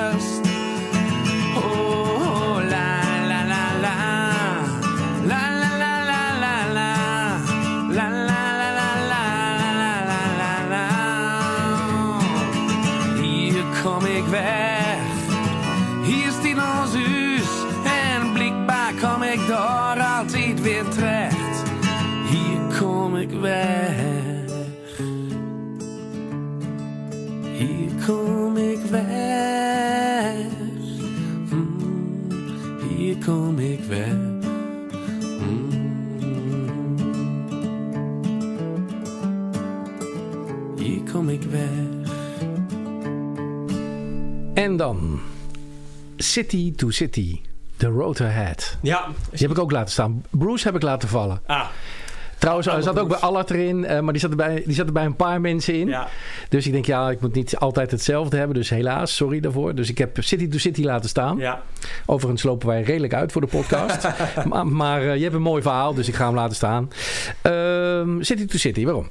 Nou, ik vind dat, eh, dat is misschien een iets zwaarmoediger plaatje dan, eh, dan waar we mee begonnen zijn. Maar ik vind dat, dat qua tekst, daar zit wel echt waanzinnig veel in. En dat is ook een tekst waar, je eigenlijk, eh, waar iedereen eigenlijk zijn eigen dingen op kan projecteren. Hè? En dat is misschien ook wel een beetje ho- hoe ik in het leven sta. Er zit volgens mij ook in van... with, the road ahead is paved with miles of the unknown. Nou, dat is eigenlijk ook wel een beetje zo, hè? Dat het leven bijna... ik zal niet zeggen dat het je overkomt. Dat is altijd de eeuwige vraag. Overkomt het je of is het een vat vol keuzes? Maar dat is wel een beetje van... eh, wat er ook maar op je pad komt. Dat geldt zelfs ook in het werk, om terug te grijpen op het begin. Dat je ook wel eens een keer dingen moet doen waarvan je denkt... kan ik dat überhaupt? En dan ben ik een eh, persoon bij wie het glas vaak in het begin half leeg is. Dat ik denk van nou, dat zal ik wel niet kunnen. Eh, maar als je een keer in het diepe springt, dan valt het 9 van de 10 keer toch nog niet zo tegen. En ik vind dat dat in dit nummer wel wat heel mooi tot uiting komt.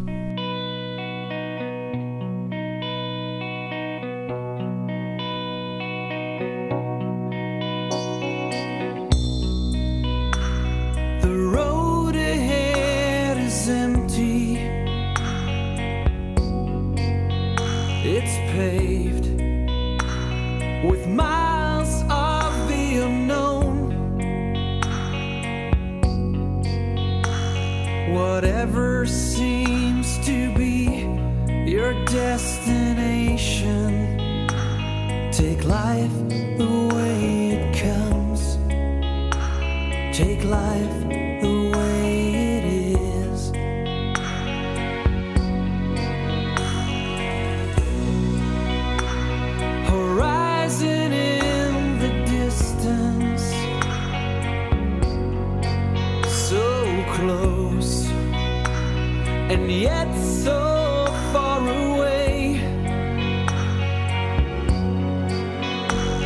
you should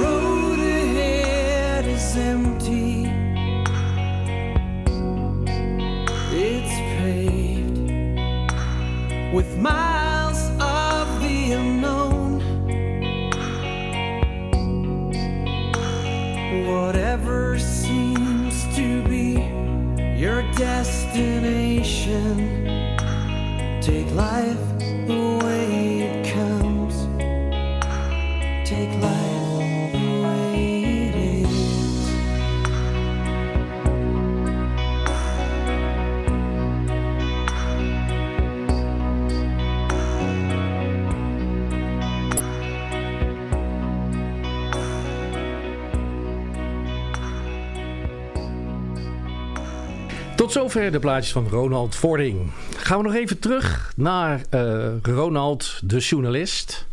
Eh, Formule 1.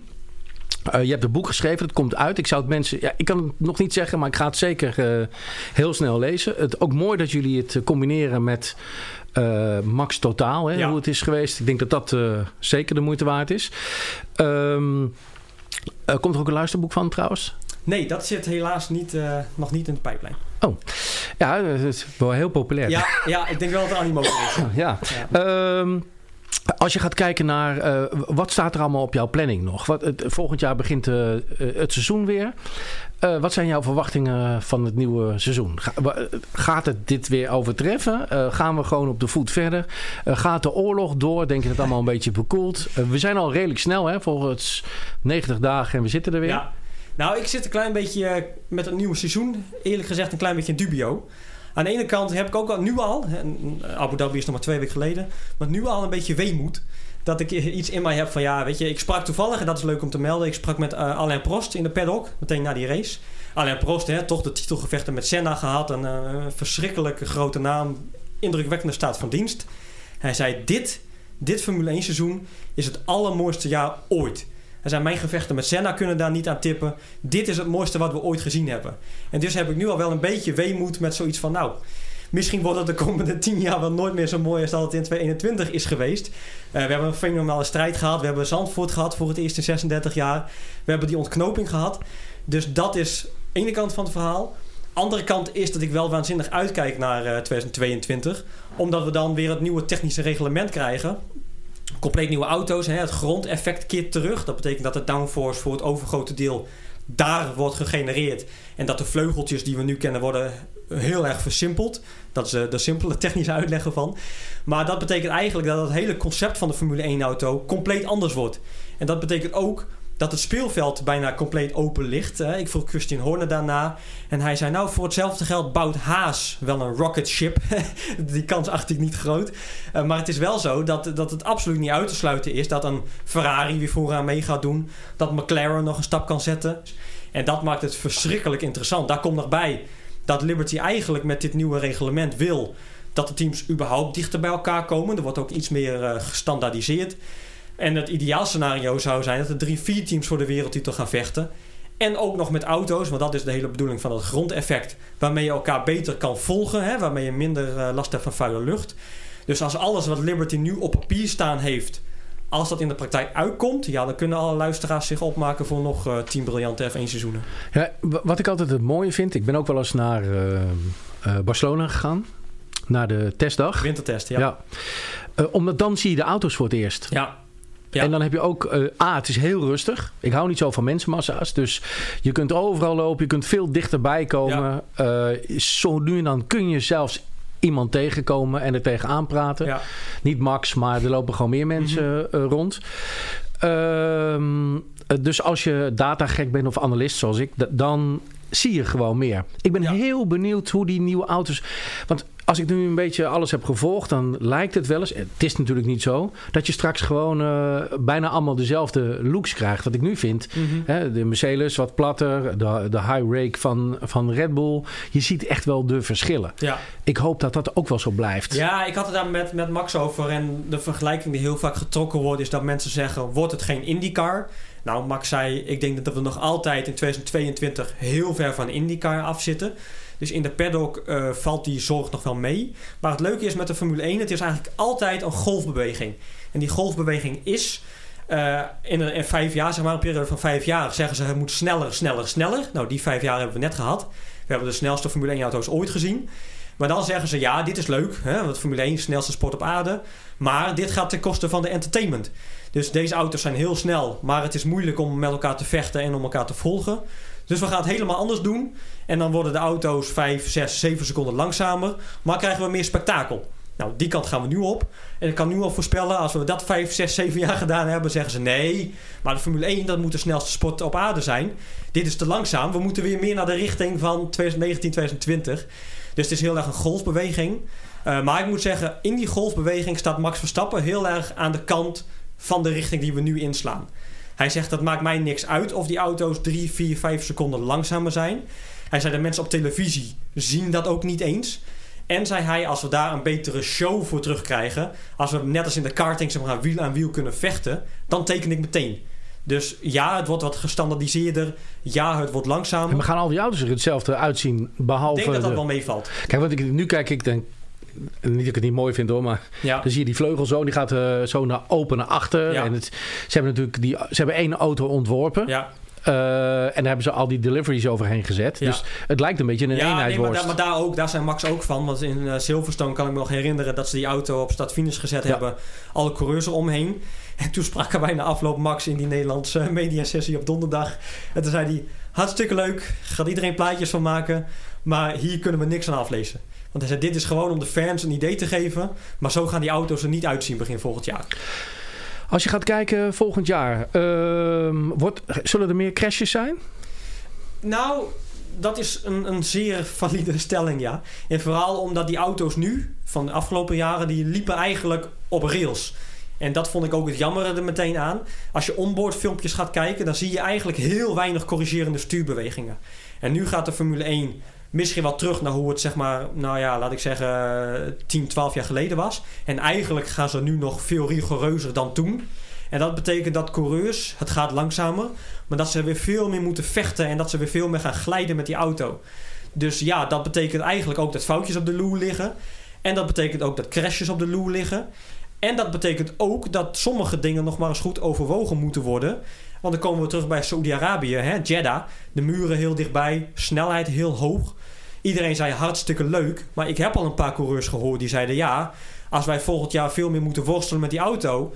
en wij krijgen een overstuurmomentje... daar wil je niet haaks linksaf met 250 de muur in klappen.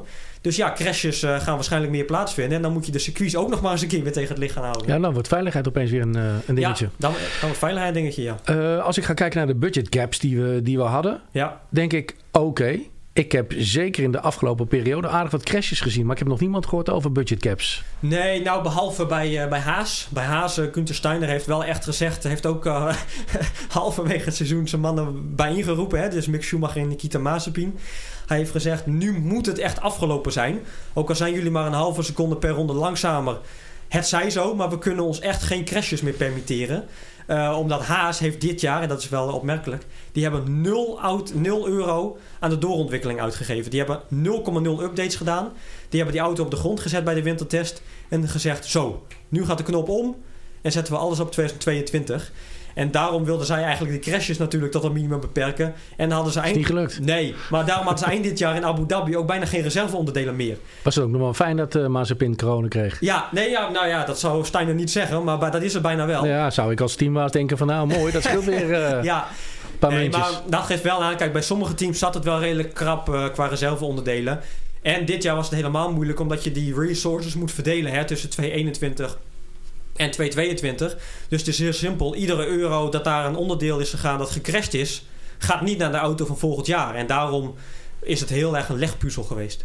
Wat is jouw voorspelling een beetje voor volgend seizoen? Wat de- hoe denk jij, eh, wat is een beetje jouw beeld bij het seizoen? En denk je nou, dit wordt het een beetje globaal. Je loopt nou een paar jaartjes mee. Ja, persoonlijk denk ik dat die richting die we in, eh, inslaan, dat die wel goed bij Max als individuele coureur gaat passen. En natuurlijk alles valt of staat met de auto die Red Bull bouwt en hoe competitief die is. Maar een, een auto waarbij de achterkant eigenlijk nog ietsje losser wordt, waardoor het nog meer worstelen voor de coureur zelf wordt. Dat is eigenlijk een beetje terug wat Max in de karting en ook in het begin Formule 3 jaren gedaan heeft. Brazilië. In Brazilië in de regen, geleden, ja. ja. ja. en dat is eigenlijk dus waar de coureur nog meer het verschil kan maken. Dat wil Liberty ook graag. En dus denk ik dat stel Red Bull heeft een competitieve auto... dat Max nog meer zijn stempel kan drukken dan dat hij in het afgelopen jaar gedaan heeft. Wordt het dan gemakkelijker voor hem om Lewis te verslaan? Nou ja, dat, dat, Formeel, hij heeft wat pech gehad. Ja. Maar hij was als coureur zijnde... ik- eh, laten we eh, Hamilton geen pannenkoek noemen. nee. Maar als je statistisch even alles gaat afvinken... was hij echt een betere coureur. Ja, ja, ja. Heeft Lewis het vooral in het eerste deel... Even het tweede deel... Perfect, hè? geweldig heeft hij gestreden. ja, Eh, ook de snellere auto heeft daarbij geholpen. Maar racetechnisch... ja. En de foutjes, hè, de En- foutenlast. want in het begin Max ze- heeft bijna geen fouten gemaakt. Nee, in het begin zeiden ze altijd... Max heeft die pure snelheid, hè, zeiden ze in zijn eerste Formule 1 seizoenen. Maar hij koppelt dat aan een te hoge foutenlast. Nu was het omgekeerd. Hè. Denk aan de, de, de magic button, wat er misschien geen routersfout is... maar toch in Baku, hè, waar Hamilton rechtdoor schiet. Imola, waar hij daar afknalt... eigenlijk gered wordt doordat Bottas en Russell een ronde later een code rood veroorzaken. Maar absoluut, de foutenlast van Lewis lag onder druk. Hè, en hij stond voor het eerst sinds 2016 met Nico Rosberg... stond hij nu weer onder druk... En lag de foutenlast hoger. En, maar ja, weet je, de vraag... kan Max hem volgend jaar makkelijker verslaan? Ligt er eerst aan of Lewis Hamilton terugkomt? Ja, wat denk jij? Eh, ja, ik denk... Er was nog een vraag die ik op mijn lijstje had staan. Ja, nee, ik denk het eerlijk gezegd wel. Ik kan het ook niet voorstellen dat hij op deze manier afscheid wil nemen. En ik denk ook dat hij nog Het is wel heel stil. Ja, maar weet je, aan de andere kant, en dat, dan, als hij nu weggaat, dan krijg je toch, ondanks dat hij de meest succesvolle coureur aller tijden is, maar dan zeggen ze toch, ja, weet je, eh, zes van de zeven wereldtitels heeft hij verzameld in een Mercedes, wat bij far de beste auto was. En in die jaren heeft hij twee keer echt weerstand gehad. 2016, Nico Rosberg verloren. 2021, Max Verstappen verloren. Dus ik denk niet dat dit ook zeg maar, qua zijn eerzucht het moment is om, eh, om weg te lopen. Als je gaat eh, even nog eh, terugkomend op jouw werk. ga je volgend jaar weer om en om gewoon naar het circuit? Ja, is de bedoeling. Nou ja, ik moet zeggen, de afgelopen jaren hebben we dat dus veel en veel en veel minder kunnen doen dan gewenst hè, door corona. Sowieso in het begin van die coronacrisis kon je ook niks op het circuit. Want dan kreeg je één plekje aangewezen in het mediacentrum en mocht je ook niet eens de paddock in. Nu is dat weer vrijgegeven. Dus laten we hopen dat we niet nog 83 eh, nieuwe varianten krijgen. Maar stel het blijft een beetje zoals nu, dan eh, is het schema al gemaakt. En dan gaan we inderdaad weer, eh, ik en mijn collega, allebei eh 10 races doen. Dus 20 in totaal. Dan laten we er maar twee of drie schieten. En dan staat het schemaatje alweer met potlood in de agenda. Als je even het klokje vijf jaar vooruit zet. Waar zie ik Ronald dan? Radio, tv? Nou, die, die, die vraag krijg ik vaak. Ook dat mensen zeggen van ja, zou jij niet eh, op termijn eh, willen doen wat Olaf Mol doet? Of Ja, wat Jack bijvoorbeeld. doet? Ja, maar dan Je bent, ik... je bent toch een talent? Bedoel, Nou ja, je- ja, maar ik zeg altijd twee dingen. Kijk, eerst met Olaf Mol als commentator is echt wel een vak apart. Eh, ik had het over dat vierkantje waar ik ook mijn interviews doe. Dat gaat prima. En stel, zij zetten mij op de plek van wat Jack Ploy de voorbije jaren deed, zal ik mij ook wel redden. Maar wat Olaf doet en wat alle commentatoren doen, is echt een compleet andere sport. Want dan moet je twee uur lang zo'n hele show dragen. Dus dan moet je echt wel wat vlieguren hebben in, eh, in mijn optiek. En ik weet niet of je dat als onervaren kracht moet willen. En of je dat als onervaren kracht, relatief onervaren kracht, ook kunt. Eh, maar daarnaast zeg ik altijd, het tweede wat ik altijd zeg, is dat, dat het bedrijf of de titel is voor mij niet per definitie leidend. Ik heb eigenlijk maar twee of drie criteria waar ik echt, waar ik mijn werk zeg maar langs de meetlat leg. En de eerste is dat je er plezier in hebt. Nou, die kunnen we momenteel eh, overduidelijk afvinken. Tweede is dat het takenpakket mij aanstaat. En het belangrijkste van het takenpakket vind, dat ik gewoon, vind ik gewoon dat ik naar die races toe kan. Dus dat ik die permanente pas heb. Dat ik zelf mijn interviews kan doen. Dat ik zelf mijn ei daarin kwijt kan. Eh, en of dat nou voor online is of voor een of andere streamingsdienst, dat vind ik eigenlijk van ondergeschikt belang. En het derde, er moet ook gegeten worden, is natuurlijk het, eh, het financiële plaatje. Kun je er goed van leven? Ja, ja, ja momenteel wel. Dus, eh, dus nee, maar kijk, die drie criteria, dat zijn, eh, dat zijn eigenlijk de, de dingen die ik voor mezelf hanteer. En ik vind het heel moeilijk om te zeggen, ja, om vijf jaar wil ik dan bij dat bedrijf zitten. Ook al omdat, ga eens vijf jaar terug. Vijf jaar terug hadden wij nooit kunnen denken dat de Formule 1 naar een streamingsdienst uit Scandinavië zou gaan. Weet je wel? Dus dat medialandschap verandert ook zo snel. Waardoor het helemaal niet uit te sluiten is. Gaat dat- het heel anders worden, denk je, volgend jaar? nou ja, ja, ze hebben het natuurlijk slim gedaan. Ze hebben wel wat deals gesloten met, met Ziggo en KPN, waardoor mensen het wel gewoon via hun tv eh, kunnen ontvangen. Want dat streamingsgebeuren, dat, dat, eh, dat schrikte toch wel de oudere garde behoorlijk af. Maar qua invulling, En weer een abonnementje. weer een abonnementje. Wat ik wel fijn vind trouwens, is dat het F1 TV blijft bestaan. Ja, en goedkoper. Dus ik, ik wil niet Ja. eh Nordic Entertainment Groep in de wielen rijden. Maar als ik een tip zou mogen geven, zou ik zeggen... Nou, koop gewoon lekker... Nou, ik heb het voor de eh, data. Ja. Ik- want eh, we hadden het daar straks heel even over. Als je die app, trouwens, als je houdt van Formule 1 data, neem een abonnementje. Ja. Want je kunt gewoon heel erg naar de sectoren kijken. En je hebt veel meer data halen. Even tussendoor een boordradiootje Nee, 100%. wisselen. Het, is wel echt interactief. Mooi gemaakt. Ja, maar qua, qua, qua hoe, anders gaat het eruit zien? Kijk, zij willen wel een andere invulling geven. Wat ze zelf zeggen, meer journalistieker. Dus ik ben er heel benieuwd naar. Maar ik ben ook heel benieuwd eh, überhaupt naar het financiële plaatje, hoe ze dat gaan doen. Want zij hebben natuurlijk 33 tot 35 miljoen per jaar neergelegd. En iedereen die ik gevraagd heb, zei... hoeveel abonnees je ook krijgt, dat bedrag kun je nooit terugverdienen. Dus ik ben heel benieuwd hoe dat... eh, ja, ze, de eerste paar jaar zullen ze echt wel wat erbij willen leggen. Maar hoe dat plaatje er over vijf jaar bijvoorbeeld uit gaat zien. Of zij het dan nog blijven doen. Of, hè? Maar is het eh, zo dat zij vanwege de max-factor ook hier in Nederland zijn ingestapt? Denken we nou, daar, kunnen we, daar gaan ze allemaal dik betalen? Ja en nee. Natuurlijk, dat speelt mee. En daardoor lag Nederland eh, onder een vergrootglas en stond Nederland heel hoog op het prioriteitenlijstje. Maar nee, in de zin dat Nordic Entertainment Group enorm de vleugels aan het uitspreiden is. Want tegelijk met dat persbericht dat zij de rechten voor Nederland kregen, stonden er volgens mij uit mijn hoofd, ik ben ze even kwijt, maar nog drie, vier andere landen bij. Waar Viaplay of Viaplay dan ook de rechten voor gekocht had. En ze schieten gewoon heel breed, want ze kopen ook Bundesliga. Ze willen op termijn ook heel graag, maar dat is een long shot, ook heel graag de Eredivisie hebben. Eh, maar dat geeft aan dat zij gewoon heel breed inzetten op heel veel landen, op heel veel sporten. En dat de Formule 1 in Nederland daar toevallig of niet onderdeel van was. Denk je dat het kostenplaatje voor hun met de huidige verslaggevers eh, te hoog zou zijn? eh, en dat ze daarvoor voor een minder ervaren crew hebben gekozen? Want ja, laten we wel zijn, Ja. dat is wel zo. Nee, ik denk het niet. Ik denk dat het wel echt een eh, bewuste keuze geweest is. Omdat zij eigenlijk vanaf het begin, ook de eerste interviewtjes die zij gaven, hebben zij vanaf het begin duidelijk gemaakt: wij gaan het anders doen. Daar volgde altijd het zinnetje achteraan. Wij hebben heel veel respect voor wat Ziggo heeft neergezet. Eh, ook terecht. Maar zij zeiden meteen: wij gaan het anders doen. Dus dat is wel een hele, hele bewuste keuze geweest. Ik weet niet of deze personele bezetting eh een daarvoor een succes gaat worden, de ja of de nee. Hè? Dat zal de tijd wel leren. Verwacht je nog dat ze eventueel, want dat heeft Ziggo natuurlijk in de tijd gedaan, Ja. Uiteindelijk over weer teruggehaald na twee of drie races? Nou, nou, na twee, drie races lijkt me snel. Maar ik sluit het niet uit. Maar dat ligt natuurlijk heel erg aan eh, de nieuwe commentatoren... en hoe eh, het Nederlands volk daarop gaat reageren.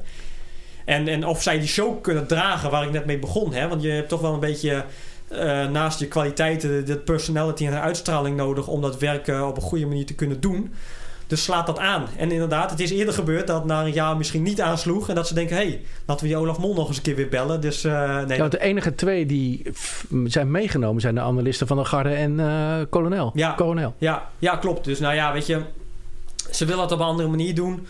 Eh, wat op zich lovenswaardig is en ook je goed recht, hè? Want als jij die rechten koopt voor een x bedrag, dan heb je dat recht ook om het helemaal naar jouw hand te zetten.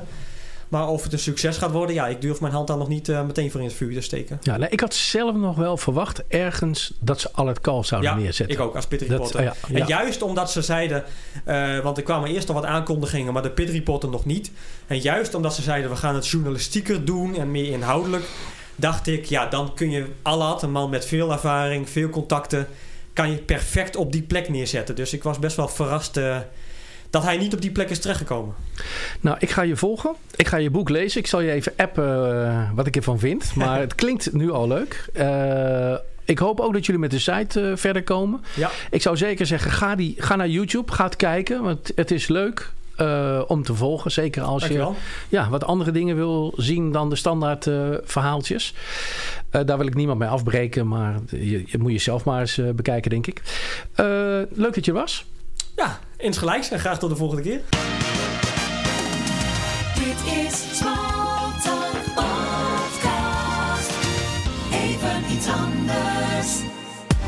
Tot zover deze editie van Smalltalk. Wil je een andere editie luisteren? Ga naar smalltalkthepodcast.nl of je eigen podcast-app. Heb jij een vraag voor Smalltalk? Mail naar podcast@smalltalkradio.nl. Geen geklets, maar gesprek. Proef de sfeer, telkens weer. Smalltalk.